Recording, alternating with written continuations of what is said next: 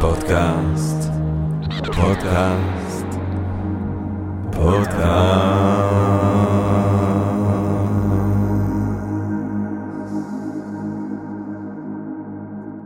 טוב, גבירותיי ורבותיי, ברוכות וברוכים הבאים לפודקאסט של הספרים הגדולים, הפודקאסט של Think and Read Different ושל המרכז האקדמי שלם. אני ג'רמי פוגל ואנחנו רוצים להתחיל עם רגע של הודיה.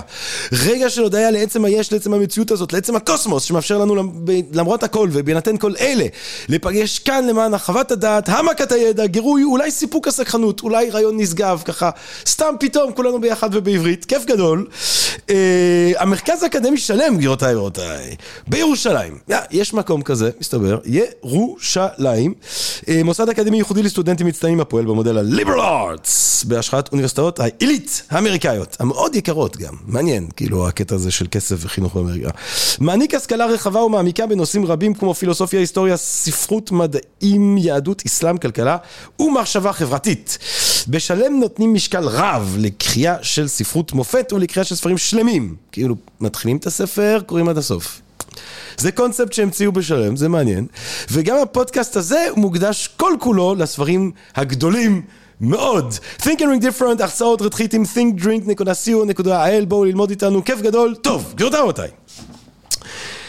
אחד מחוויות הפעם, אני פעם, לא היה לי פייסבוק, פעם, ופעם לא היה לי פלאפון. או שהיה לי פלאפון מאוד טיפש, אבל זו הייתה תקופה אחרת, שהייתי ככה לפעמים צולל אל תוך ספר וכאילו איפשהו מרגיש שאני מתנתק לחלוטין מעצם היש, כפי שהוא מתגלה לי בסביבה הקרובה שלי.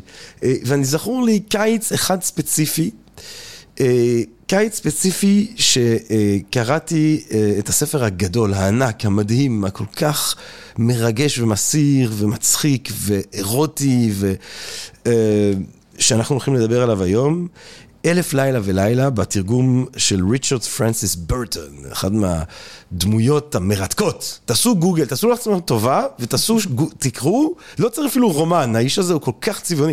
תעשו פשוט וויקיפדיה על מי זה ריצ'רד פרנסיס ברטון וכל ה... att הטירוף שהבן אדם הזה הספיק בחייו, ככה קולוניאליסט, למרות שהוא היה די אנטי קולוניאליסט גם, אבל מהדמויות הבריטיות, ההזויות, אקסנטריות והמשוגעות האלה, ההרפתקניות, שתרגם את אלף לילה ולילה.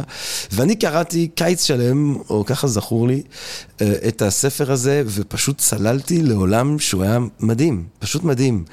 אני חושב שהרבה מאיתנו זוכרים את סיפור המסגרת, נדבר עליו יותר לעומק בעוד רגע, אבל המלך מגלה שאשתו של אחיו בגדה בו, ואז הוא מגלה שאשתו בגדה בו, והוא מוציא אותה להורג, ואז הוא נוקם בכך שהוא מתחתן כל יום עם צעירה בתולה, ורוצח אותה למחרת, לפני שהיא יכולה ככה לבגוד בו, לפגוע בכבודו, עד שלבסוף הוא מתחתן עם שזרד, לא נשארו עוד בתולות, אז הבתולה של היועץ, של הוויזיר, הוא מתחתן איתה, והיא מתחילה לספר סיפור. ואז כשמגיע בוקר ושעת ההוצאה להורג, היא לא סיימה את הסיפור והוא רוצה לשמוע, וככה אלף לילה ולילה, אלף סיפורים וסיפור, היא מספרת. הסיפורים מדהימים, עולם מסתורי, עולם אה, יפהפה, צבעוני, אה, חיוני, כל כך חיוני, כל כך חיוני, הרבה מסיפורים שאנחנו מכירים מכל מיני גרסאות אחרות. הסרט של פסוליני, למי שככה רוצה איזושהי הרפתקה, לא יודע, אנחנו לא חושב שזה סרט שהיו מפיקים ב-2023. כמות, אפשר להגיד את הדברים כפי שהם, כמות מאוד גדולה של בולבולים ככה, ולא יודע מי נתן אישור לצילומים האלה, אבל תקופה אחרת, אחד מגדולי הקולנוענים, וכמובן, אוי סליחה, לא צריך פסוליני, הרבה מהאגדות של דיסני, הרבה מהאגדות הפופולריות שאנחנו מכירים, נובעים מתוך סיפורים, מתוך הספר הפשוט מדהים הזה. אז מה זה? אלף לילה ולילה. מה זה הסופה המדהימה הזאת? מה זה הספר המדהים הזה? כדי לדבר איתנו על אלף לילה ולילה, גבירותיי ורבותיי, אנחנו שמחים, מתחגשים ושמחים מאוד לארח כאן את דוקטור צמרת לוי דפני. דוקטור צמרת לוי דפני היא בעלת תואר ראשון, היא עשתה תואר ראשון בלימודי מזרח תיכון באוניברסיטת בן גוריון בנגב, ואז היא עשתה תואר שני בבית ספר להיסטוריה בתל אביב, שם היא גם עשתה את הדוקטורט שלה על ההיסטוריה של האימפריה האוטומטית, או ספציפית היא חככה את התרבות החומרית של האליטות האוטומניות במאה ה-18. מרתק. היא שהתה בטורקיה בזמן המחקר הזה, זכתה אפילו למלגה מאוניברסיטת קוטש, שם היא הייתה חברה במכון לחקר ציוויליזציות אנטוליות. מדהים. אה, סוג של סר ריצ'רד פרנסיס ברטון, אה, גרסה ישראלית, אה, דוקטור צמרת לוי דפנה, דפני, דפני, אוי, מה קורה איתי, דפני. אה, במכון שלם, מרכז שלם. במרכז שלם היא מלמדת תולדות המזרח התיכון אה, בתקופה העות'מאנית, בין שאר הקורסים שהיא מנהלת שם, היא אה, ניהלה את התחום של לימודי טורקיה במכון ון ליר, והיא גם עומדת מאחורי יוזמות תרבותיות מבורכות, כמו למשל, ורק כשאני אצליח לסובב את הדף, שבוע הקולנוע הטורקי, שבהינתן שזה קולנוע טורקי מדובר בעצם על חודש. אה, אבל כן, שבוע הקולנוע הטורקי שיש בסינמטקים אה, בארץ. אה, טוב, וואי, אני ממש מתרגש לקראת הפרק הזה, אני חייב לומר, אני כל כך אוהב את הסיפורים האלה. דוקטור צמרת לוי דפני, שלום רב. שלום רב. אה, טוב, אני קשקשתי את עצמי לדעת, כמו שאני יודע ואוהב לעשות, אבל בוא נחתוך ישר לווריד הצוואר. אה, מהו הספר המדהים הזה, אלף לילה ולילה? אז קודם כל אני, אני אוהבת להתייחס לנושא של אה, אלף לילה ולילה, של הספר של אלף לילה ולילה, לא כאל יצירה אחת. בעצם אנחנו פה בשביל לדבר על הספרים הגדולים, אבל אני רוצה לגלות איזשהו סוד. לא מדובר פה בספר אחד, לא מדובר פה ביצירה אחת שאנחנו יכולים לדבר עליה, שהיא באמת יצירה אחת הומוגנית ברורה, אלא מדובר על תופעה תרבותית, אה, היסטורית, פוליטית אפילו, שככה נמשכת על פני מאות, אה, מאות שנים, ומאחורי... מאחורי המושג הזה של אלף לילה ולילה, שהוא מאוד מוכר, בעצם כמעט לכל אדם, אה, ככה, לכל אדם בר דעת בעולם, כולם מכירים מה זה אלף לילה ולילה. אה, לכל אדם יש לו בעצם איזושהי סוג של הבנה מה זה אלף לילה ולילה, וזה לא בכדי, זאת אומרת, זה לא סתם שככה, אני למשל מכירה אלף לילה ולילה אחרים ממה שאתה קראת, ונגיד אם נשאל אנשים אחרים, הם יגידו לנו, הם בעצם אה, ייזכרו בכל מיני סיפורים, או בכל מיני אפיזודות, או בכל מיני פרשנויות, שבעצם הם נתנו לסיפורים האלה מעצמם, כי הסיפורים עצמם משתנים, אה, אחרים, היצירה עצמה משתנה לאורך הדורות, אז אני חושבת שזה חשוב להבין שלא מדובר בספר אחד, אבל כן מדובר בתופעה אה, היסטורית תרבותית מאוד מאוד משמעותית ב... בתרבות האנושית, לא רק במזרח, לא רק בארצות ערב, לא רק באימפריה העות'מאנית, אפילו לא רק בפרס, כן? זאת אומרת, באמת מדובר על תופעה תרבותית מאוד מאוד רחבה מבחינה גיאוגרפית וגם מבחינה היסטורית, כמה זמן היא נמשכת. אז אה, כשאנחנו מדברים על אלף לילה ולילה, כשאנחנו אומרים אלף לילה ולילה, אנחנו מדברים לכאורה על איזשהו משהו שמספר הרבה מאוד סיפורים, אבל כמו שאמרת מקודם, מדובר באיזשהו סיפור מסגרת. אה, שתכף נדבר אולי על, על העקרונות שלו, על המהות שלו, שלתוכו לתוכו, לתוכו של, סיפורי, של סיפור המסגרת הזה בעצם נמזגים הרבה מאוד סיפורים עממיים. ואני חושבת שעוד דבר מעניין אה, ככה לחשוב עליו בהקשר של אלף לילה ולילה, שבעצם, כשאנחנו מדברים שוב פעם על הספרים הגדולים, זה סיפורים, זה בעצם מסורת אוראלית שהועברה מפה לפה. ובסופו של דבר הפכה להיות מסורת גם כתובה. Hmm. בעצם הפכה להיות איזשהו ספר, אבל ההתחלה שלה היא ממסורת אוראלית, בעצם סיפורים שהסתובבו, שאנשים שמעו אותם, שסיפרו אחד לשני, והיא גם נקשרת לתוך התופעה הזאת של מספרי סיפורים, שאנחנו מכירים אותה גם כן מהעולם. זאת אומרת, בעצם אין אור-טקסט, אין כאילו איזה טקסט מקור, נכון. אה, אין אה, אה, המודל של איזשהו סופר שיושב, או סופרת נכון. שיושבת וכותבת טקסט, ואז יש את הטקסט המקורי ואנחנו מנסים לחזור אליו, אלא יש, יש את המסגרת הזאת, ואז כל... כל מיני גרסאות עם כל מיני אסופות נכון, של מאוד. סיפורים עממיים או סיפורים מכל מיני מקורות. נכון אבל מאוד. לפחות כשזה נוגע למסגרת של הדבר הזה, אה, אנחנו, אני מניח שאנחנו כן יכולים לדעת לפי העקרונות של אותה מסגרת, שאני אשמח שנדבר עליהם, מתוך איזה תקופה לפחות הדבר הזה מתחיל להפציע. אז קודם כל באמת סיפור המסגרת הוא, אה, גם, גם כאן יש אה, שינויים בגרסאות של סיפור המסגרת, זאת אומרת פתאום בספרים שונים אנחנו יכולים למצוא סיפורי מסגרת שהם נשמעים אחרת ונראים אחרת. חלקם משויכים לתקופה של המאה התשיעית של הרון אל-רשיד, המושל העבאסי, אבל... ש, ו, וזה איפה? איפה אנחנו? במאה התשיעית בבגדד, אבל בהחלט אנחנו יכולים לראות את המקורות של סיפורים מסוימים, גם כן ממקומות אחרים, למשל מהודו, או אה, אה, למשל מפרס, זאת אומרת, יש איזשהו, איזושהי אה, יצירה כזאת, שאנחנו, יצירה של סיפורים שכאלה שמסתובבים במרחב הזה, ובסופו של דבר מגיעים ונכנסים לתוך התרבות הערבית, והופכים להיות בעצם חלק מהתרבות הערבית, זאת אומרת שאנחנו אומרים אלף לילה ולילה, זה איזושהי מטאפורה, איזושהי דוגמה למשהו שקשור לערב, לסיפורי ערב. והשפה וגם, היא ערבית. ואז אז זהו, שבמקור כנראה הסיפורים האלה הסתובבו בשפות שונות, וגם נכון. סיפור המסגרת היה מסופר בשפות שונות, אבל אה, זה, מאחר שזה נכנס בשלב מסוים לתוך, ה, לתוך התרבות הערבית, זה בעצם הפך להיות uh, The Arabian Nights, כן? The זה Arabian הפך להיות... Nights, כן.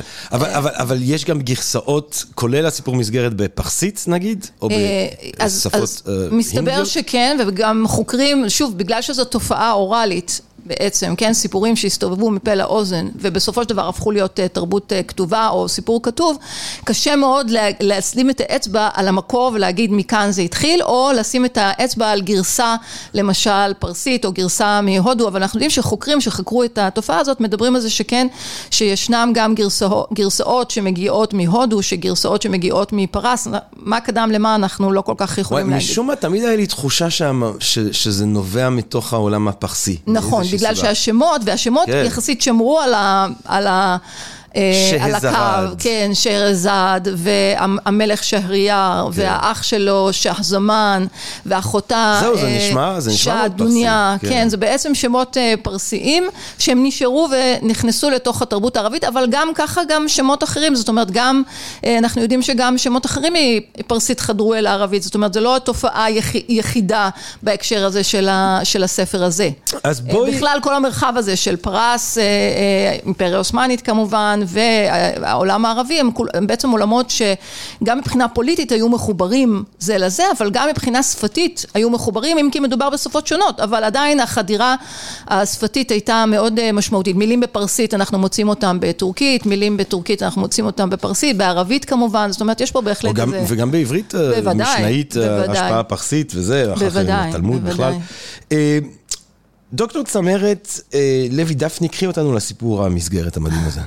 אז סיפור המסגרת שהוא מעניין וכמו שאמרנו מופיע בכמה וכמה גרסאות אבל בואו ניקח את אה, אחת הגרסאות שאפילו מקורות לקורא העברי משום שאחד ה... אחד התרגומים המעניינים אני חושבת שנעשו לקורא העברי, נעשו ממש בחצית הראשונה של המאה העשרים על ידי אה, יואל יוסף ריבלין, בעצם סבו של אה, רובי ריבלין, אה, שהיה מזרחן, היה מלומד גדול, פרופסור באוניברסיטה העברית, והוא תרגם את ה... כמדומני את הגרסה הצרפתית, והוא תרגם את זה לקורא בעברית, ושם הגרסה, למשל אם ניקח את הסיפור הזה, הגרסה, סיפור המסגרת מדבר על זה שבעצם מדובר על שני אחים, שניהם מלכים, מלך אחד בוגר יותר והמלך הצעיר, שחרייר ושייח זמן, ושייח זמן בעצם מגלה שאשתו בוגדת בו והוא אה, אה, עצוב וקרוע לב, הוא מגיע לאחיו, לאחיו הבוגר כדי לנחם את עצמו כי הוא לא ביקר אותו הרבה מאוד זמן, ושם הוא מגלה לתדהמתו שגם אשתו של אחיו הבוגר בעצם בוגדת בו, ועם מי הן בוגדות, שתי הנשים האלה, שים לב בשני הסיפורים זה זהה, הן בוגדות עם העבד השחור. אה, ושני האחים האלה, זאת אומרת האח הצעיר הוא ראשון לגלות את, ה, את הדבר הנוראי הזה שבעצם אשתו בוגדת בו אה, עם העבד השחור ולתדהמתו הוא מגלה שבעצם כשהוא מגיע לממלכה של אחיו אה, וגם, וגם הוא מגלה שבעצם אשתו בוגדת עם, באחיו עם העבד השחור זאת אומרת זה, יש פה איזשהו מוטיב חוזר על עצמו. זה אותו, זה אותו בחור? שהם שתי אנשים עם אותו הבחור, או זה, לא, או זה מדובר על שני אחים, ובעצם האח הצעיר מגלה שאשתו, לא, לא, ומגלה גם על האח... העבד, העבד זה לא, אותו לא, עבד, מדובר על שני עבדים שונים, שונים. בוודאי. מדובר על שני עבדים שונים, אבל המוטיב פה הוא מוטיב מעניין, למה דווקא עם העבד השחור, כן, למה למה העבד למה שחור. באמת? אה, תכף נדבר על, על העניין של העבד השחור, אבל אה, באופן אה, מדהים, כשהוא מגלה לו את הסיפור הזה, שהוא בעצם מספר לו שזאת הסיבה שהוא ברח מהממלכה שלו, וזאת הסיבה שהוא הגיע אליו כדי קצת לפוש, והוא אומר לו, אני מציע לך לבחון את זה, והם עושים איזשהו מבחן, והם באמת מגלים שאשתו בוגדת בו, וזה מביא את כעסו הגדול מאוד של אה, המלך יאר, והוא מחליט לנקום בכל הנשים בעצם בממלכה. שאגב, הבגידה של האישה היא זו ש... של, ה... כן. של הכעס, אה, של המלך, זה גם משהו שמאוד מגיע מהעולמות הפרסיים. אנחנו כמובן בפורים זוכרים את נכון. אחשוורוש שפתאום הורג את ושתי, אבל זה מלא סיפורים על זה שהם משתכחים ומוצאים את העיניים לילדים, ואז נכון, זה, זה דבר שהוא, שהוא מאוד רווח בעולם הפרסי. נכון, אז המלך יש... כאילו כועס כעס כן, אפי כזה. נכון, אה, ויש גם כן סברה של, של אה, אחד החוקרים שחקר את הנושא של אלף לילה ולילה, שבעצם מדבר על זה שסיפור המסגרת לקוח, לקוח קצת בעצם ממגילת אסתר. Mm. זאת אומרת שהמרכיבים שם על העניין של המלך והכעס והנקמה, ההתפכחות, כן, על, על העניין הזה, זה כעס אפי, זה, זה העניין של אה, הוא מגלה משהו בעצם היה מאוד טוב לפני כן, כן, המרכיב הזה שהוא היה מלך מאוד טוב, מאוד טוב לנתינים שלו, הוא התחשב בהם וכולי, ואז הוא מגלה משהו שמסעיר את עולמו, ואז הוא מתפכח והוא יוצא למסע של נקמה, זה בעצם השלבים, וישנם כאלה שסוברים באמת אה, יותר חוקרים מעולם, מעולם היהודי, שמדברים על זה שהמרכיב הזה לקוח ממגילת אסתר, mm. אז, אה, ו, ו, ובאמת זה מעניין לחשוב על ההקשר של מגילת אסתר לתרבות, כמובן לתרבות האפית הפרסית, אבל אה, מה שמעניין בסיפור ה... מיזוגני, יש לומר, הסיפור הזה. מאוד, זה, כמובן, אנחנו אוהבים להגיד שזה עולם שבואו נדגיש את זה ונאמר את זה בפה מלא, שחוטא לרגישויות המוסריות הכי בסיסיות, מהעבדות כן, וה... והעבדות, ואני מניח שנדבר גם על המשמעות, קשור טוב, אומרים שגזענות היא תופעה מודרנית, אבל בואו נקרא לזה גזענות וקסנופוביה שבאה לידי ביטוי, והיעדר מוחלט של אנושיות, ומיזוגניה מוחלטת, כאילו שוביניזם מוחלט, מיזוגניה מוחלטת. נכון, כי בעצם בסיפור המסגרת, המסקנה המתבקשת היא שהנקמנות והרוע, כן, לנקום בכל הנשים ולהרוג כל לילה מישהי אחרת, היא לא נובעת מתוך המהות הבסיסית, הפנימית של אותו מלך, אלא היא נובעת כתוצאה מהאירוע הטראומטי שקרה לו, ולכן הוא יוצא למסע של נקמה, ובעצם בגלל המעשה הלא מוסרי של האישה, זאת הסיבה לנקמנות שלו. כלומר, בהחלט כן. יש פה איזשהו... זה כאילו נראה אה, כזה על גבול הטבעי שככה הוא מתנהל. לכאורה, אה, כן. אה, וגם להוסיף שבסוף זה סוג של קומדיה רומנטית, או, זה, או, או יש לזה סוף טוב כי הוא מתאהב בה. נכון, אז הסוף הטוב, אז מה שקורה בסופו של דבר, אחרי שהוא ככה מתנקם בהרבה מאוד נשים, הוא, מבק, הוא בעצם מצווה להביא אליו כל לילה בתולה אחרת, כשבסוף הלילה הוא אה, אה, רוצח אותה, זאת אומרת לא הוא, אבל אה, הוא מצווה להוציא אותה להורג, וזאת מהסיבה הפשוטה שהיא בעצם לא תוכל להמשיך ולבגוד בו, זאת אומרת הוא מבטל את האפשרות שהיא תמשיך לבגוד בו אחרי שהוא כבר היה איתה בלילה, בלילה הראשון. כל, ה, כל הסאגה הזאת נמשכת הרבה מאוד זמן, והווזיר הגדול, והוא מצווה כל פעם להביא לו, והוא מצווה על הווזיר הגדול שלו, השר הבכיר ביותר בממלכה, להביא לו כל לילה מישהי אחרת, עד שבעצם בתו של הווזיר הגדול, כי לא נשארו אה, לא, בתולות בממלכה. אה, כן, זה בעצם הביא להרבה מאוד אה, פחד ואימה בממלכה. עד ששהרזד, בתו החכמה והפיקחית של, של הווזיר הגדול, בעצם מטכסת איזושהי עצה ואומרת, תשלח אותי, ואני בעצם אדע איך להתנהל איתו, כמובן שאביה מאוד חושש מכך, אבל הוא שולח אותה, והיא מבקשת שגם אחותה שדוניה תגיע יחד איתה. והיא מבקשת מאחותה בערב שתבקש ממנה לספר סיפור. וכשאחותה מבקשת ממנה לספר סיפור, היא מתחילה בסיפור, אבל היא מספרת את הסיפור בצורה כל כך אה, אה, מרתקת, מסקרנת ומתמשכת, שבעצם בסוף הלילה היא לא מגיעה לשיא של הדרמה, והמלך אה, בעצם נשאר במתח, ולכן הוא לא מצווה להרוג אותה. אה, ואז היא ממשיכה בכל לילה לספר סיפור נוסף, ובעצם מצליחה להסיח את דעתו במשך אלף אה, לילות, שזה בעצם אה, כמעט אה, שלוש שנים, כן, שנתיים ועוד כמה חודשים טובים.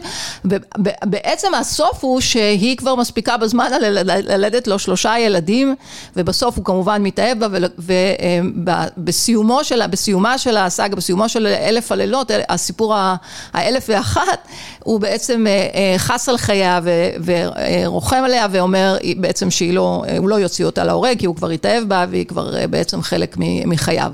אז זה סיפור המסגרת המאוד מאוד אה, מעניין הזה, כמו שאמרנו המיזוגני הזה, אבל בהחלט יש פה משהו אה, מעניין במובן הזה שהסיפורים שהיא מספרת לו, קודם כל האקט עצמו של סיפור הסיפורים, כן, לספר סיפורים כאיזשהו אקט של הישרדות, זאת אומרת אני מצליחה לספר לספר סיפור, ובעצם מצילה את חיי, אבל לא רק מצילה את חיי, מצילה את חייהן של כל הנשים הבתולות בממלכה, אה, זה מוטיב מאוד מעניין, המשמעותי בתוך הסיפור הזה של, של אלף לילה ולילה, ומעבר לכך הוא בעצם יוצר לנו איזושהי מחשבה של אין פה סיפור אחד, כלומר יש פה סיפור מסגרת, אבל אין כאן סיפור אבל אחד. באמת, ושבאמת זה גם, מה שמדהים זה שזה סיפורים, ואז בתוך הסיפורים אנשים מספרים סיפורים. אז נכון. לפעמים אתה בתוך סיפור שבתוך סיפור סיפור. שבתוך סיפור. נכון. זאת אומרת, אתה בדרגות סיפוריות, וכל הסיפורים מדהימים, והם גם משקפים עולם מדהים שנדבר עליו בעוד רגע, אבל לא- את עוד חייבת לי משהו על המשמעות של נכון, הבגידה עם העבד. העבד. כן. נכון. אז אה, אם, כשדיברנו על העניין של אה, אה, התכנים המיזוגנים או התכ- התכנים הגזעניים נכון. של הספר הזה, אה, פה חש... יש, יש צורך להגיד ולומר, לסייג את העניין של משמעות של עבד בעולם העתיק. כי אנחנו מתייחסים לעניין של עבדות בצורה מודרנית וכמובן בצדק, של מה זה לשעבד אה, בן אדם, אה, אבל בעולם העתיק, ואם אנחנו מתייחסים למשל על, באמת על האימפריה העות'מאנית, עבדים שחורים, או בכלל עבדים, היו חלק מהאליטה. אה, מהאליטה העות'מאנית, זאת אומרת, בהחלט יכול היה להיות מצב שעבד, מישהו שהוא שועבד, אם בצורה של מלחמה, או בין, בין אם בצורה שהוא בעצם נלקח בשבי, אה, או בצורה שהוא נאסף מבין, ה- למשל, האוכלוסיות הנוצריות, אדם נלקח, משועבד, זאת אומרת, הוא הופך להיות רכושו של הסולטן, אבל מצד שני זה לא משפיע על המעמד הפוליטי והחברתי שלו, זאת אומרת, יש לו מעמד לגלי של עבד, אבל עדיין הוא, מבחינה חברתית, יכול מאוד להתקדם בסולם הדרגות. זה למשל דוגמה אחת לאיך, איזה משמעות שונה יש לנושא של עבדות בעולם, בעולם יש עתיק. גם את כל המעמד המוזר הזה של הסריסים. אה, נכון, והסריס, אפרופו, הסריסים שהיו עבדים שחורים, למשל, הם היו, ה, ה, ה, אפשר להגיד, הם, אה, ה, בהרמון, בהרמון של אנשים, הם היו ה, אה, אנשי הסוד הבכירים ביותר בעצם, למשל, של הוולידי סולטן, או של האישה המועדפת של הסולטן. כלומר, יש לנו אבל בהחלט... רגע, באמת, בהגדרה הסריסים אה, היו צריכים להיות אנשים שחורים? אז אנחנו מכירים את התופעה הזאת פשוט מהארמון האימפריאלי העות'מאני, אבל אה, אה, במקרה הזה אני חושבת שהם היו אה, כולם שחורים.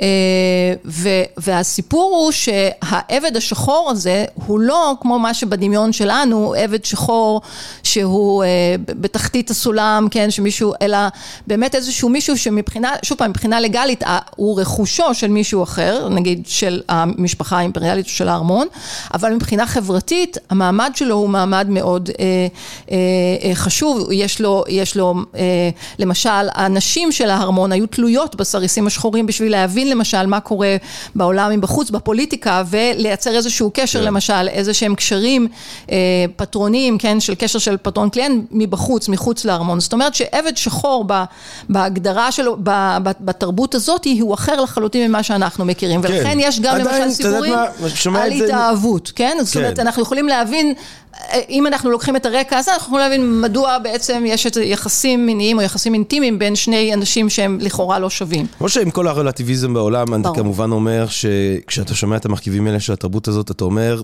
טוב שהיא הלכה וכדאי שהיא לא תחזור. לעולם. אה, עכשיו, הסיפורים עצמם. עכשיו, אני רוצה, לפני שאנחנו נדבר קצת על כמה סיפורים, ושתתארי לנו את סוג הסיפורים, ואז כאן נחשוב אולי על העקרונות הכלליים שלהם. אה, אני קודם כל רוצה להגיד שאני זוכר פשוט עד כמה שהוקסמתי מהעולם שבהם הם מתרחשים. זה עולם עם ג'ינים, נכון? נכון. יש הרבה ג'ין, יש הרבה כאילו, אתה יודע, אלאדין, טוב, אלאדין זה תוספת אולי קצת מאוחרת, אבל אה, נכון. יש את הג'ין, את הג'יניז האלה, יש חשיש, נכון. מה, אתה עישנת חשיש, הרבה פעמים יש את הסיפורים עם, נכון, עם עם חשיש. החשיש, כן, נכון. יש התאהבויות, בהחלט. יש אירוטיות מאוד עדינה ומאוד יפה ומאוד מרגשת, יש הומור. אה, מה זה העולם? מה זה העולם שבהם הסיפורים האלה מתרחשים? אה, אז קודם כל נכון, מדובר באמת על עולם שהוא מצד אחד אה, ריאלי וריאליסטי, זאת אומרת חלק מהתיאורים הם מאוד אה, ריאליסטיים, מאוד אנושיים, מדברים אלינו כי אנחנו מצליחים אפילו להזדהות, נכון? וחלקם הם מאוד של עולם הפנטזיה והדמיון, עם כל מיני המצאות כאלה באמת כמו השדים, הג'ינים וכולי.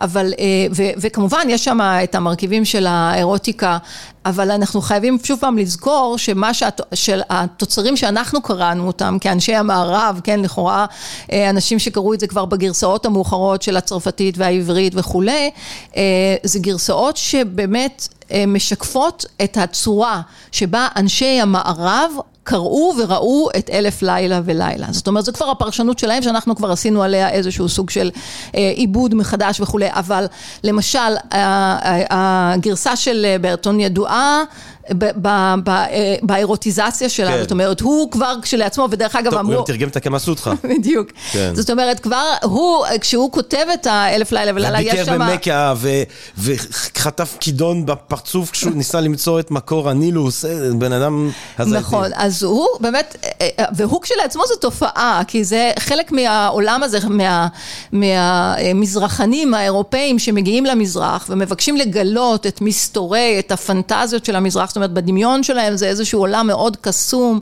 מאוד אה, ככה מסתורי, שהם רוצים לגלות אותו, הוא בעצמו גם כן מתחפש, הוא לובש בגדים אה, מקומיים כדי להתערות בחברה וכדי שלא ישימו לב שהוא כזה או אחר, ו, וככה הוא שומע את הסיפורים, או שומע חלק מהסיפורים, ובעצמו ממציא חלק מהסיפורים כנראה, שוב, אנחנו לא ממש יודעים, אבל כנראה ממציא חלק מהסיפורים, וכל הנושא של האירוטיות והאספקט הזה של אלף לילה ולילה, אנחנו לא יודעים אם זה באמת לא ההמצאה שלו, זאת אומרת, אם הוא לא הוסיף את זה... אם אתה שומע...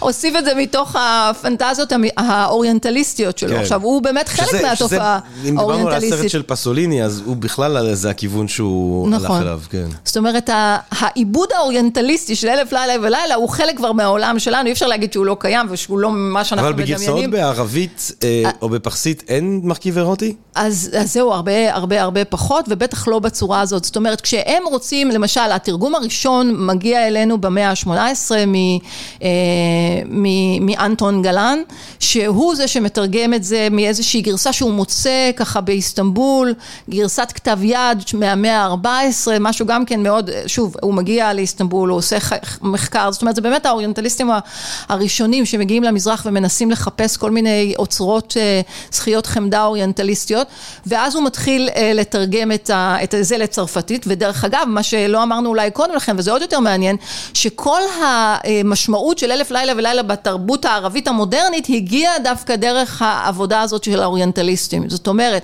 מהתרגום של, אה, של גלן ומהתרגום של ברטון והתרגומים האחרים שהגיעו של האוריינטליסטים האלה, רק אחר כך זה נכנס לתוך הקורפוס הערבי בערבית, רק אחר כך זה נתפס בערבית. זאת אומרת, בערבית זה בהתחלה לא קיים בכלל בגרסה אה, כתובה, אבל הוא מגיע לאיזשהו מקור כתב יד מהמאה ה-14, אה, והוא מתרגם את זה אה, ממש בתחילת המאה ה-18, והוא מתחיל להוציא כרכים, כשבאיזשהו שלב הוא קצת מתעייף ומתייאש, ואז ממשיך את דרכו מחבר נוסף, מתרגם נוסף שממשיך את הפרסומים האלה, וככה זה נכנס אלינו לתוך העולם המערבי, זאת אומרת ככה זה מגיע אלינו, זה מגיע באמת כתוצאה מזה שאנשים מהמערב מתחקים אחרי הסיפור הזה ומעניין מדהים, אותם, ואז מדהים. הם מביאים את זה בעצם לעולם. אמ, מדהים. אז בואי, בואי, בואי נבחר, אה, או בואי תבחרי אה, סיפור. בואי תספחי לנו אחד מהסיפורים. לבחירתך. אמ, משהו, אחד, אחד שכזה את אוהבת, או אחד ש...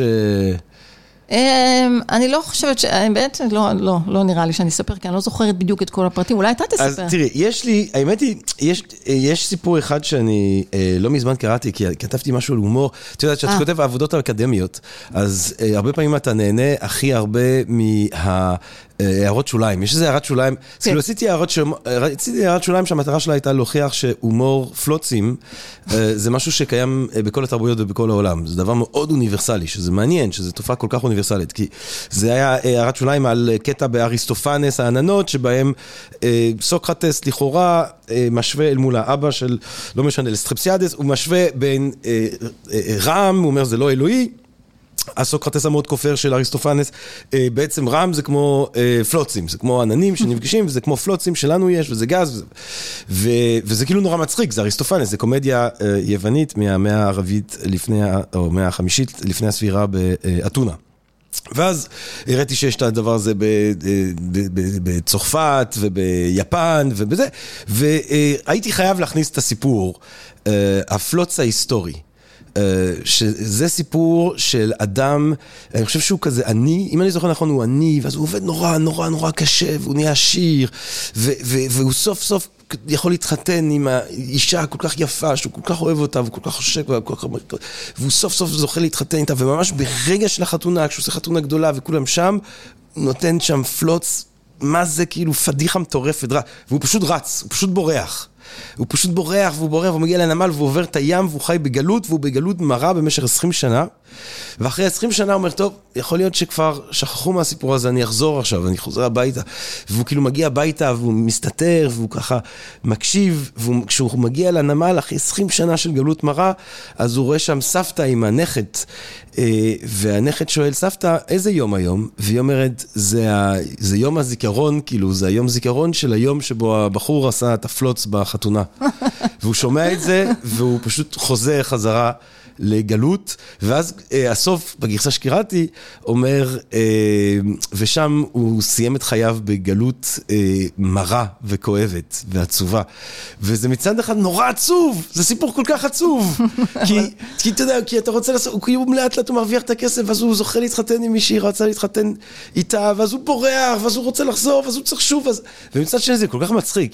אמ, אבל זה טוב, זה סיפור קצת אה, נישאי, זה סיפור נישאי. כי אני חושב שהסיפורים הגדולים שאנחנו זוכים זה באמת הסיפורים הניסיים כן. עם האהבות, ההתאהבויות וההרפתקאות. וגם הסיפורים המפורסמים, שדרך אגב, באמת, כמו שאמרת קודם לכן, הם אה, כנראה תוספת מאוחרת יותר כן. של... אה, עלי בבא וארבעים ה... עלי בבא וארבעים השודדים, או סינבד המלאך. שימת המלאך, או אלאדין. או אלאדין, זה כנראה תוספות מאוחרות יותר כן. של אלף לילה ולילה. וסוסים שמתעופפים, נכון. יש לך את האפשרות לטוס על סוס מאוד מהיר. על סוס, על כן. שטיחים. כן, זה כיף. ומנורות קסמים. יש משהו באמת מאוד, אה, כמו שאמרנו קודם, מאוד אה, ככה מעשיר את הדמיון. דרך אגב, שזה מתקשר למה שאמרנו לעניין של התרבות האוראלית, כלומר, בשביל... אה, לייצר קהל שמקשיב לך לאורך זמן ושהוא ככה מאוד uh, מהופנט ממה שאתה מספר, אתה צריך לייצר איזשהו מרכיב שהוא מצד אחד מאוד uh, ריאלי וריאליסטי, שהוא תופס את האוזן שאנשים רוצים להקשיב לו, ומצד שני הוא גם יש לו איזשהו מרכיב של פנטזיה כדי שזה ככה יעורר את הסקרנות ואת הדמיון. והאמת שאני חושב על זה עכשיו בהקשר של השיחה שלנו, או סורי שאני חוזר לסיפור על הפלוץ ההיסטורי, אבל שככה קוראים לו באנגלית, a historical fart.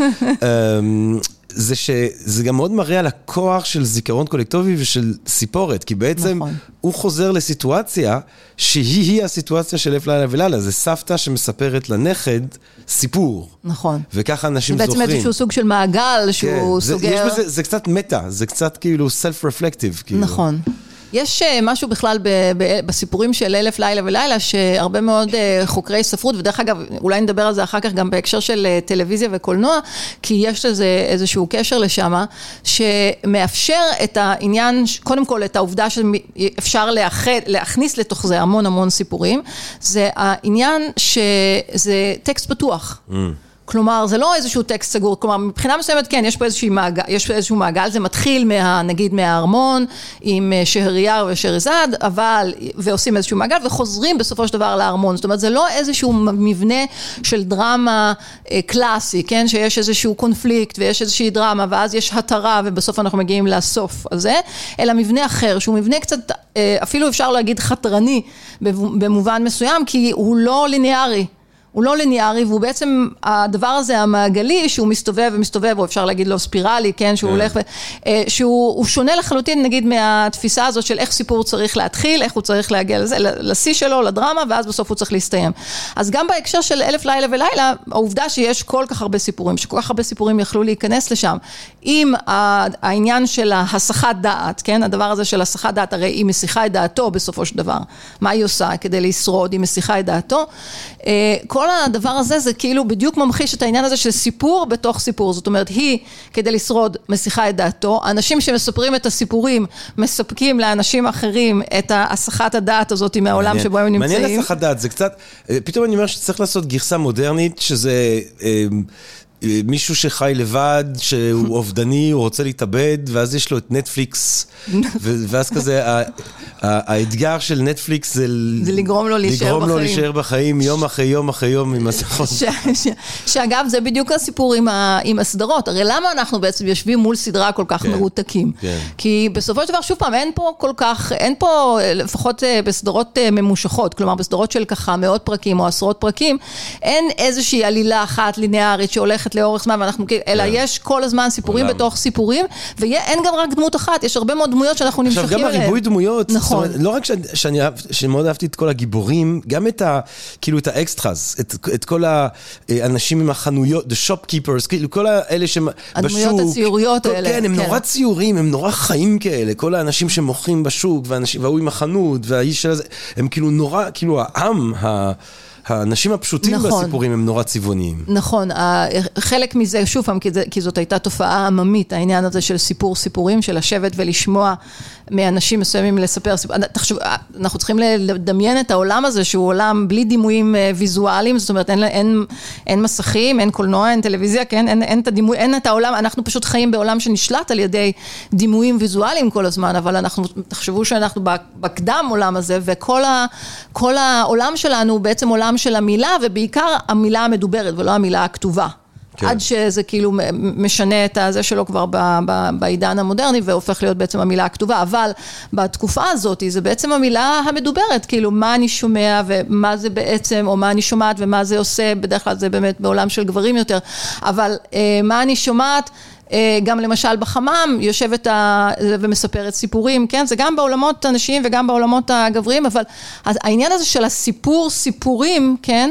הוא אה, איזשהו אקט אנושי.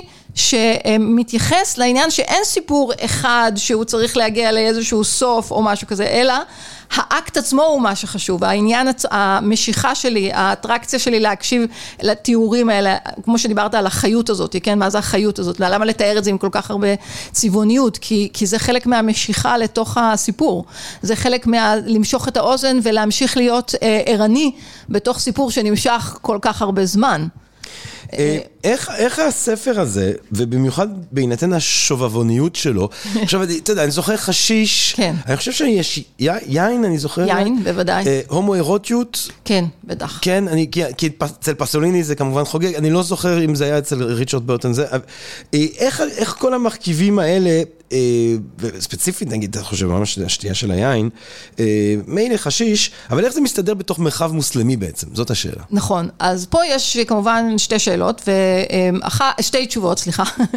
אחת, זה באמת מתרח... מת... מתכתבת עם מה שדיברנו עליו קודם לכן, ששוב פעם, העולם הזה הוא כרגע מוצג בפנינו באיזה תיווך, והוא תיווך מערבי, זאת אומרת, האוריינטליסטים שמביאים בפנינו את הסיפורים להם, המטרה שלהם, האג'נדה שלהם... אבל בגלל זה אנחנו מדברים איתך. רגע, אבל האג'נדה דוקטור שלהם... צמרת לוי נכון. אבל האג'נדה שלהם זה להראות את העולם המוסלמי כעולם לא מוסרי, ולכן ממ. זה הנושא של החשיש ושתיית היין וההומוארוטיות בצורה כן, לא מאוד מסוימת. אני, אני חושב שריצ'רד דווקא, כמו שאני מדמיין אותו, זה רק דברים שהוא אהב. כאילו, אני לא חושב שהוא חשב שיש בעיה עם אה, חשיש ויין. אה, במקרה של, ברטון, אבל אם אנחנו מדברים למשל על גלנד, או אם אנחנו מדברים על גרסאות מאוחרות יותר של ליין, זה בהחלט... כאילו, התחושה היא שהם מתלהבים מהדבר הזה, זה לא, נכון, לא חושב יש שהם אומרים, התלהבות. תראו אותם, הם... אה, לא, לא, יש כאילו, גם וגם. זה, קצת גישה ישועית כזאת, אוי, תראו אותם, הם... אה, לא? לא, אני חושבת שיש גם וגם. זאת אומרת, אתה צודק לגמרי, לחלוטין בעובדה שיש סקרנות והתלהבות גדולה, וגם הרגשה של, הנה, הגענו למקום שיש בו דווקא איזושהי פתיחות שלא קיימת במחוזותינו, שהיא היא דווקא רצויה, כן? בדיוק. למשל, כל העניין של הפתיחות המינית וכולי. כן.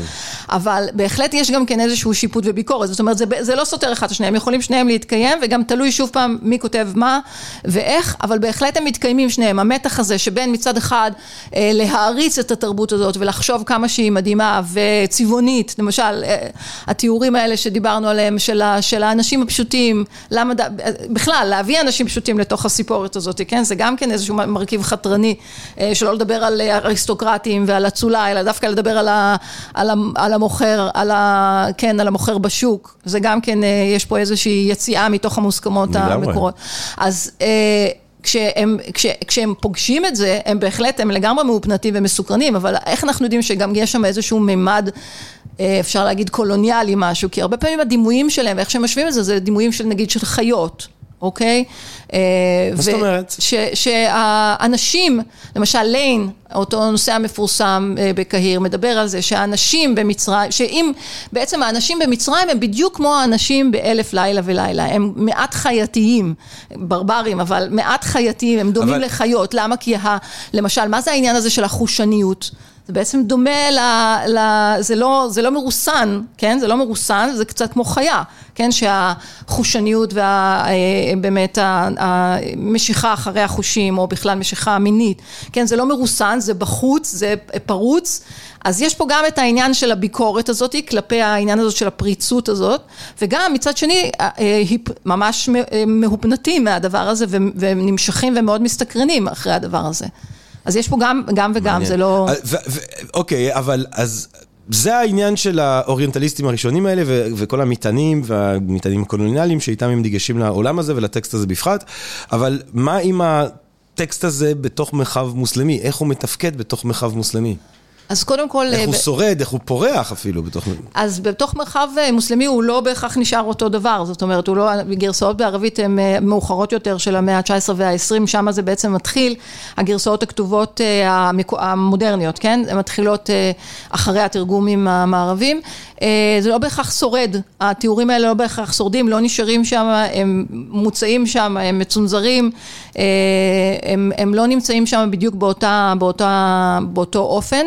אה, וגם, שוב, העניין הזה של למשל שתיית אה, שיכר, שתיית יין, כן? אז אנחנו יודעים שלמשל, אני אתן דוגמה, מצד אחד אנחנו, יש לנו את ה... איך זה יכול להיות בעולם מוסלמי, אבל באימפריה העות'מאנית, הנושא הזה של אה, שתיית שיכר, שתיית אלכוהול, היה מוסד מאוד אה, מקובל במובנים מסוימים, במובן הזה שהיה לו את המרחב החברתי המאוד, למשל בלילה מי הנה המפורסמים, בתי המרזח המפורסמים, שנפתחו בערים המרכזיות, שהיו בערים המרכזיות, והם היו כשלעצמו איזשהו מוסד חברתי שבו אנשים היו יכולים לבוא ובעצם לפרוק את המתחים החברתיים, הפוליטיים וכולי, הם שותים לשוכרה, משתכרים וכולי, אז אנחנו יכולים להגיד, אז איך זה שרד בעולם מוסלמי, כי האימפריה העות'מאנית היא עולם מוסלמי, אותו דבר, זאת אומרת, יש מתח כזה של מצד אחד הם מתקיימים זה לצד זה, כן, יש איסור על שתיית אלכוהול כמובן על פי ההלכה המוסלמית, אבל מצד שני בפרקטיקה היומיומית אנחנו רואים הרבה מאוד מאוד מוסדות חברתיים כאלה ותרבותיים שעושים שימוש בעניין הזה של למשל שתיית אלכוהול כדרך של פורקן אה, חברתי. אז ככה גם בסיפור של אלף לילה ולילה, זאת אומרת מאחר שזה סיפור ומאחר שזה איזשהו משהו דמיוני, חלק מזה בהחלט יכול היה לשרוד, וחלקים מסוימים שלקודמים מסוימים לא נראו, הם בהחלט צנזרו אותם או הוציאו אותם מתוך, מתוך הגרסאות, ששוב, תלוי מה היה קהל היעד, כן? מה היה קהל היעד. אני רוצה לשאול אותך כיוזמת ועוצרת אה, ומנהלת, או לא יודע מה בדיוק היה התפקיד המדויק, של שבוע הקולנוע הטורקי. כן. האם את חושבת שיש לאלף לילה ולילה, למאפיינים של הסיפורת הזאת, השפעה על, את יודעת, יש את המילה הזאת שכולם אוהבים להגיד היום, storytelling, storytelling, בוא נעשה storytelling, בוא נעשה storytelling, אני אגיד את זה חמש פעמים, סטורי טלינג, סטורי טלינג, סטורי טלינג, סטורי טלינג, סטורי טלינג, סטורי טלינג, חשוב, חשוב להגיד storytelling. אה, את חושבת שיש לזה השפעה על ה storytelling בתרבות העות'מאנית אה, מסוימת? את חושבת ש... או, או, או, או שזה, או שיש מאפיינים ל storytelling העות'מאני באיזושהי צורה, או המוסלמית, או לא יודע איזה מהם המרכיבים של הזהות כן, של העולם הזה באים לידי ביטוי, שאת יכולה חושבת, לראות בספר? כן, קודם כל כן, כי הספר הזה, שוב פעם, כשהוא נכנס אה, לתוך המרחב הערבי ולתוך המרחב העות'מאני הערבי, כן, כי החלק של, אה, החלק של המדינות הערביות בעצם היו חלק מהעולם העות'מאני כבר מהמאה ה-16, אוקיי? כן. ברגע שהם בעצם חלק מהעולם העות'מאני, הרבה מהתופעות התרבותיות האלה בעצם זזות בין המרחבים האלה בצורה מאוד uh, מעניינת, על ידי מטיילים, על ידי אינטלקטואלים, על ידי כל מיני תנועות אה, כאלה. אה, בטח שיש לזה השפעה, זה מוכר וידוע, אבל גם המוסד הזה של ה storyteller, שזה נשמע מצחיק, כי היום זה משהו כזה... אה, אנחנו הפכנו את זה למשהו מאוד אה, כזה עכשווי כזה, כן? אבל המוסד הזה היה מוסד קיים, ראינו, יכולנו לראות את זה אפילו אה, בשווקים של המאה ה-19, כן? שאנחנו רואים אנשים שיושבים סביב אדם אחד שהוא מספר להם סיפור ממושך, הם מעשנים אנרגילה ושותים קפה או תה, תלוי ב... והוא מספר להם סיפור ככה ארוך וממושך והם חוזרים יום אחרי יום. אפילו עמית שלי, קולגה פרופסור אבנר וישניסר, מצא אפילו את המנואלס, את הסקריפטס האלה שהם היו מספרים מתוכם את הסיפורים האלה. זאת אומרת, הקטע של סיפור סיפורים ושל הנושא של אלף לילה ולילה, הוא בהחלט היה חלק מתוך העולם העות'מאני. זאת אומרת, את אומרת שזו תרבות שיש בה כאילו תפקיד לאדם במקום בהחלט. ציבורי, שהוא פשוט... אפשר לחשוב על זה כסוג של קולנוע בעצם, כן? נכון, אתה בא לשמוע... והטרום קולנוע כן, שלנו. טרום, טרום קולנוע, או, או משהו תיאטרוני. טרום, כן, נכון, תיאטרון טרום- גם, אבל זה... ו, ו, ואתה מגיע והוא מספר סיפורים, ויש להניח שהרבה מאוד מהסיפורים העממיים, שבסופו של דבר מצאו את מקומם אה, לתוך הסופות של אלף לילה ולילה, הם...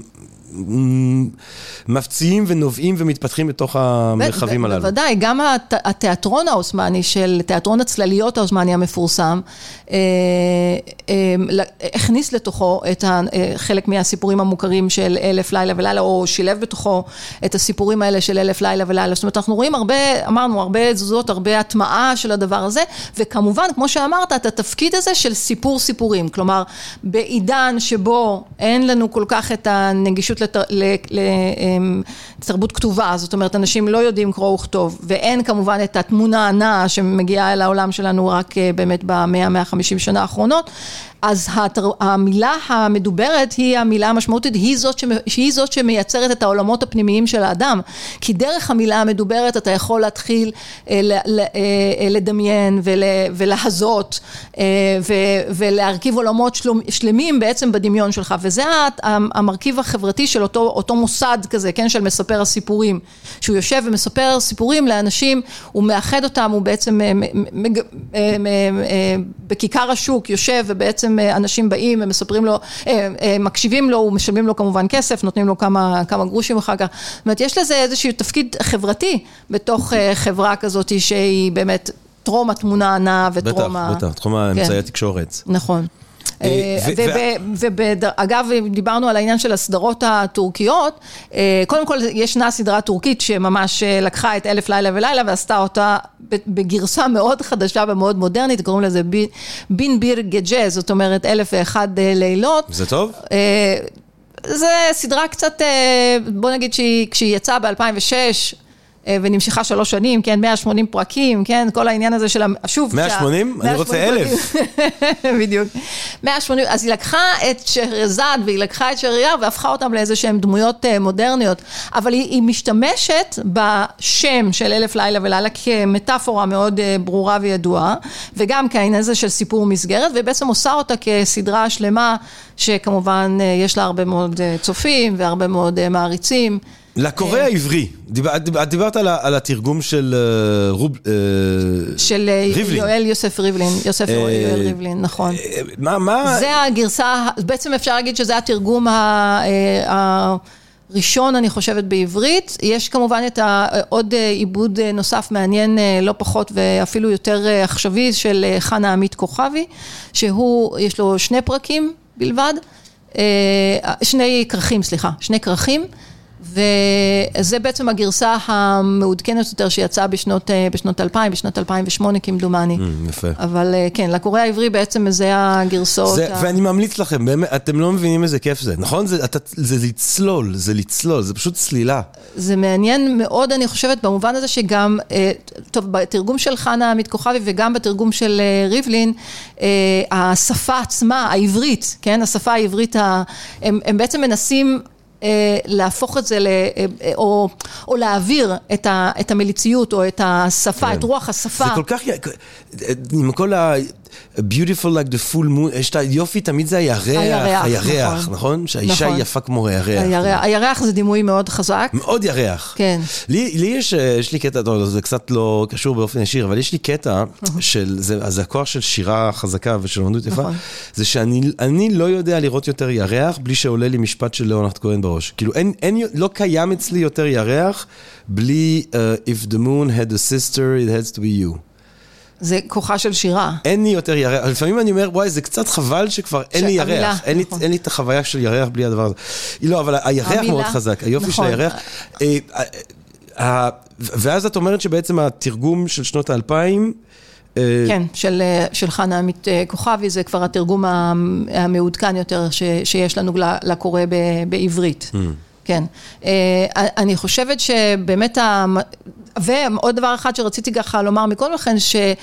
מכיוון שאמרנו שזה לא יצירה אחת, אז גם התצורות השונות של השפה מעניין, כי לפעמים יש שם גם באמת חריזה, ולפעמים יש שם זה באמת בצורה של שירה. אז זה מה שרציתי לשאול, כשאת אומרת תרגום. של... אה, נכון. אז, אז זה מה שבעצם רציתי לשאול, כי בהינתן שזה טקסט, שאין טקסט אחיד ואין גרסה אחת. נכון. אז כש, אה, אה, כשחנה עמית... אה, חנה עמית כוכבי, כוכבי מתרגמת מערבית. אז, אז ממה היא מתרגמת?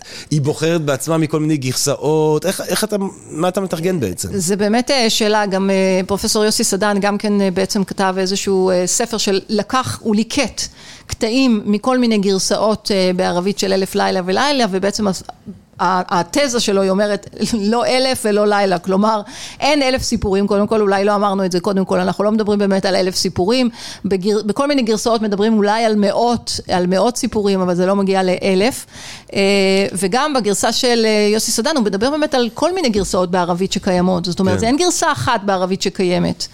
אה, וזה מעניין. יש הרבה חופש פעולה בעצם. הרבה חופש פעולה, גם למתרגם וגם, וגם לכותב. כן, מצד אחד חופש פעולה, וזה מה שאני חושבת שאולי זה הכוח של היצירה הזאת, החופש פעולה הזה, גם למי שמקשיב.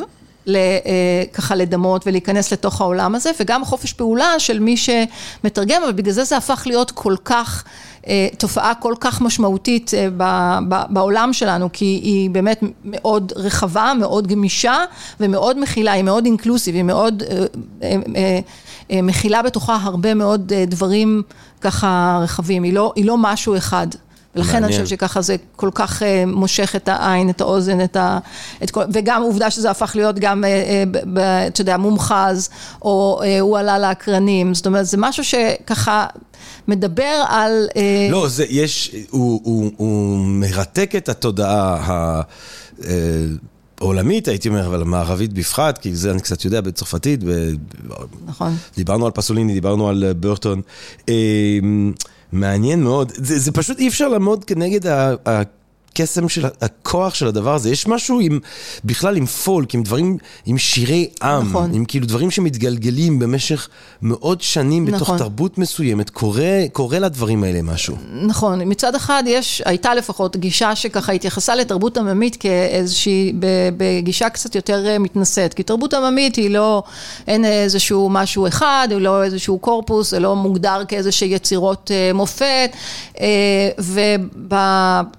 בעידן שלנו אנחנו כבר אה, בעצם אה, אה, כבר לא נמצאים במקום הזה שבו תרבות עממית היא משהו נמוך יותר מתרבות גבוהה, אלא נהפוך היא הופכת להיות איזשהו מושא מחקר מאוד מעניין, שדרכו אנחנו מבינים הרבה מאוד דברים על תרבויות, על חברות, ומה שאתה אמרת לגבי העניין הזה של גם החופש פעולה וגם העניין של החתרנות של התצורה, זאת אומרת העובדה שקודם כל לא מדובר למשל באיזשהו סיפור ליניאר אחד, אלא שזה סיפור שמתמשך, שהוא ככה חוזר על עצמו, שהוא מתעגל וכל מיני דברים כאלה, וגם במובן שהוא מאתגר מושגים של זמן, זאת אומרת לא מדובר על זמן אחד, אלא יש דברים שקורים בו זמנית ויש דברים שקורים אה, על ציר הזמן, נכון? זה גם כן מה שמרתק אותנו, כי אנחנו לא מבינים לאן הוא זז קדימה, אחורה וכל מיני דברים כאלה כן. בתוך הספר.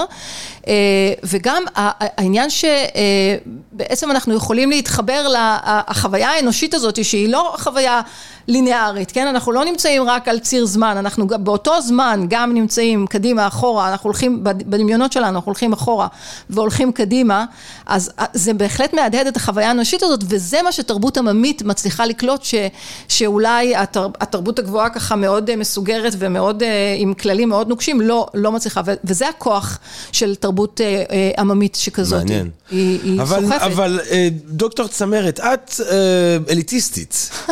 לא, לפחות בדוקטורט שלך. בדוקטורט שלך את כולך מלאך ולהוי פולוי ולערב רב.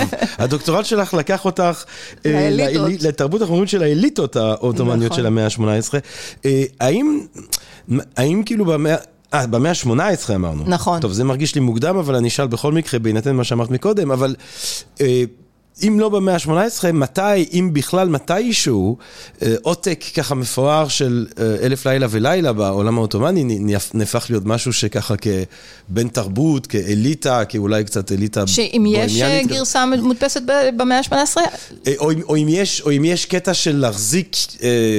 אה, את הספר, את הספר אה, כזה, להחזיק כאילו. אה, ספרות, אז שאלה מעניינת, אבל לא, במקרה של אלף, ספציפי. ספציפית אה, לא, לא, ש, לא, לא שידוע. לי, לא, לא שידוע לי, אבל כן אני יכולה לומר, אה, אפרופו אה, אה, אליטיזם, אה, המקורות שלנו, וזאת הסיבה שבאמת עבדתי על, על אליטות עות'מאניות של המאה ה-18, הם מקורות מוגבלים, זאת אומרת אין לנו מקורות שהם מקורות סיפוריים, הר- הרבה מקורות של סיפורים, זאת אומרת יש אה, ספרות נושאים קצת, ויש אה, יומנים, זה משהו שנכנס מאוחר יותר, אה, אבל במאה ה-18 מירב המקורות שעומדים בפנינו הם מקורות שהם מקורות של המדינה, קודם כל, זאת אומרת מקורות שהם ארכיונים. שנשמרו על ידי המדינה העות'מאנית ומאוחר יותר גם על ידי המדינות אה, החדשות, אבל, אה, ולכן מה שהן משקפות בתוכן, זאת אומרת הקורפוסים האלה משקפים בתוכם את החיים של האליטה. אז אם אני יכולה לראות את התרבות החומרית של האליטה זה רק דרך המסמכים האלה, ולא יכולתי להיכנס למשל לתוך אה, בתיהם של אנשים ממעמדות אה, נמוכים יותר. אז, קשה היה ונגיד יותר היום, להגיע איך, לזה. איך, אז אמרת יש, ש... אבל זה היום הרבה ש... את יותר. אמרת שב- שבטורקיה עשו אה, סדרה שהיא על אלף לילה ולילה, בעולם הערבי היום, זה ספר שיש לו, יש לו קיום, יש לו נוכחות, זה תופעה, אני אוהב כן. את המילה תופעה ולא ספר, זה תופעה, נכון, נכון. פודקאסט של התופעות הגדולות, פתחנו בו ליין חדש. לגמרי. אה, כן, אז אה, קודם כל כן, בעולם הערבי, קודם כל, גם מבחינת איך שלמשל סופרים אה, מודרניים מתייחסים לאלף לילה ולילה, זה, זה הפך להיות גם אה, מטאפורה, כן? כשאנחנו מדברים על אלף לילה ולילה זה מטאפורה, זה לא רק הספר עצמו עם הסיפור שלו, אלא זה ממש איזשהו סוג של מטאפורה, גם לציין הרבה מאוד סיפורים וגם לספר איזה משהו כזה שהוא יותר פנטזיה והוא לא אמיתי, כן? זה אלף לילה ולילה וכולי. אז אה, גם אנחנו מכירים את זה מסופרים ערבים כמו נג- נגיב מחפוז, שמדבר, שמשתמש בדימויים של אלף לילה ולילה, אנחנו מכירים את זה מרוהן פמוק המפורסם, הטורקי. אה, בספר השחור שלו, יש דבר שנקרא ספר, ספר שקוראים לו הספר השחור, שמשתמש מאוד בכל העניין הזה של סיפורים על גבי סיפורים מתוך העולם הזה של אלף לילה ולילה. זאת אומרת, אלף לילה ולילה בהחלט נכנס כתופעה גם אה, לתוך העולם הערבי, בטח לעולם העות'מאני ובוודאי לעולם הטורקי. זה בהחלט מוכר, זה בהחלט אה, תופעה מאוד... דוקטור אה, צמרת אה, לוי דפני, שאלה ככה אחרונה, לסיכום, נסכם את העניין שלנו. האם, מה, עכשיו שקצת הבנו מה זה, ואי אפשר, אפ- אפשר לתאר את, אבל אתם צריכים גם לקחו, אתם צריכים לצלול אל תוכו. אבל מה, אם היית חושבת ככה ממרחק, מהו סוד הקסם של הדבר הזה? מה, למה, למה הדבר הזה כל כך מצמרר? למה הוא כל כך מרהיב ומרגש ומסעיר? מה, מה, מה? צריכה להגיד דבר אחד? לא, את יכולה, מה ש- מה שבא לך. את יודעת, אני, זה לא פה שזה רעד וזה, אנחנו עברנו, את חופשייה, את חופשייה, את ישות חופשית. אה, אני חושבת שסוד הקסם זה בשילוב, במתח שבין פנטזיה לבין ריאליזם. אה, כי זה מצד אחד מאוד מושך את, ה, את האוזן לשמוע משהו שהוא דומה לנו, אבל מצד שני הוא גם אה, לוקח אותנו לעולמות דמיון שאולי לא חשבנו, ואנחנו מתחילים אה, ככה לפתח את זה בתוך הדמיון שלנו, אז זה דבר אחד. אתגור של הדבר הזה, זה לא רק פנטזיה, זה לא רק אה, מציאות, אלא איזה מין תערובת כזאת מעניינת. אה, ודבר אה, נוסף זה העניין של, אני חושבת שהחתרנות של העובדה, של מה שדיברנו עליו קודם לכן, שאין מבנה אחד ושאין מבנה שהוא מתחיל, יש לו התחלה, אמצע וסוף, אלא שהכל הוא בעצם בצורה מעגלית, ואנחנו מוצאים את עצמנו מסתובבים בתוך המעגל הזה, מהופנטים, אבל גם מוסכים, בעצם זה הדבר הזה של ההסחת דעת שדיברנו עליה קודם לכן, שסדרות קולנוע, שסדרות טלוויזיה עושות את זה מאוד טוב, ובטח ובטח אה, אלף לילה ולילה. את יודעת, אני אתן לך את הש- השנקל שלי, כן. אה, זה שהעולם העולם המדהים הזה שבו זה קורה, ובגלל זה זה בעיניי משתקף בעיקר במוחים בשוק ובאנשים כן. הפשוטים, זה שהם חיים, כאילו מה שהרבה משתקף זה איזושהי תודעה של פליאה. נכון. כאילו תמיד אפלטון אמר שהפילוסופיה מתחילה בפליאה, ואני תמיד אוהב את הקדם סוקרטים, כי יש לי תחושה שיש להם פליאה, קודם כל מעצם היש, אז כן. זה עולם עם מלא פליאה. אומרת, כי יש להם המון איזושהי צניעות כזאת של וואי, העולם הזה הוא מלא במסתוריים, והוא מלא, והוא, והוא מעבר לבינתנו ומעבר ליכולתנו להבין, ויש איזו תחושה של פליאה אל מול הכל, ש, שבא לידי ביטוי אה, באיך שהם מספרים את הסיפורים אחד לשני, זה כאילו wide eyed כזה, אבל, אבל ב, ב, של, של פליאה, לא של... אה, אה, וגם, טוב, ואז הרומנטיקה, והרומנטיקה והאירוטיקה, כאילו, אי אפשר בלי. אה, it has it all, romance, adventure, wisdom. זה ספר עם הכל בעצם. נכון? זה ספר עם הכל. אה, וואי, איזה כיף, איזה כיף, איזה כיף. דוקטור צמרת לוי דפני, הייתי רוצה שנוכל להזמין אותך אלף לילה ולילה. נעשה אלף פודקאסטים ואלף פרקים בפודקאסט של הספרים גדולים. היה ממש כיף, היה תענוג. תודה רבה. ממש. תודה רבה. ממש מרתק. תודה רבה רבה רבה לך. היה לי כיף גדול, תודה רבה. מתי שבוע, מתי שבוע הקולנוע הטורקי הבא? אה, אז זהו, ששבוע הקולנוע הטורקי קיבל אה, תפנית מסוימת והוא כנראה יתקיים במס- במסגרת של שבוע הקולנוע המזרח תיכוני. אה, יפה. ולא רק טורקי, והוא יתקיים ב- בסוף אוקטובר. וואי, ואיפה איפה זה יקרה? זה בסינמטק בירושלים וגם בסינמטקים בשאר... אה, טוב. אני, אני שם. גם אני. אה, כאילו, אני, כ, אני כקהל, אבל את, מה את בעצם, את יזמת את זה? אה, אה, כן, זאת הייתה, היוזמה שלי כחלק מהיכולת או הרצון לדבר על חברות מזרח תיכוניות בצורה יותר מורכבת ולא רק דרך הפוליטיקה או דיפלומטיה. איתי, יפה שעה אחת קודם.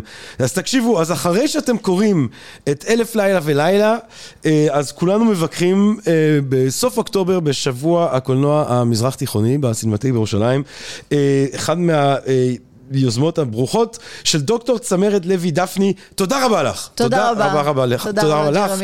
אה, ותודה רבה לקהל הקדוש שלנו כאן בפודקאסט של הספרים הגדולים, מקווה מאוד שנהנתם מהפרק הזה, מהפרקים שבעזרת השם ובעזרת הג'ין אנחנו נקליט עוד אה, בהמשך, ומה אני אגיד לכם בינתיים? רק אהבה רבה, רק בריאות, רק הפתקאות, רק פליאה, רק רומנטיקה ואירוטיקה עדינה ויפה כמו שיש, או כמו שאני זוכר שיש לפחות, אני כבר הרבה שנים, אה, ובלי הפלוצים ההיסטוריים, אני כאילו, וגם, כאילו, גם אני אגיד לגבי הפלוץ ההיסטורי, שאם חס וחס זה קורה לאחד מהקהל הקדוש, אז לא, לא לקחת את זה למקום של גלות מרה. אפשר, לת... אני חושב שאפשר להתמודד עם זה בצורה אחרת. רק בריאות, רק הרמה, נשתמע, תודה רבה. תודה. פודקאסט, פודקאסט, פודקאסט.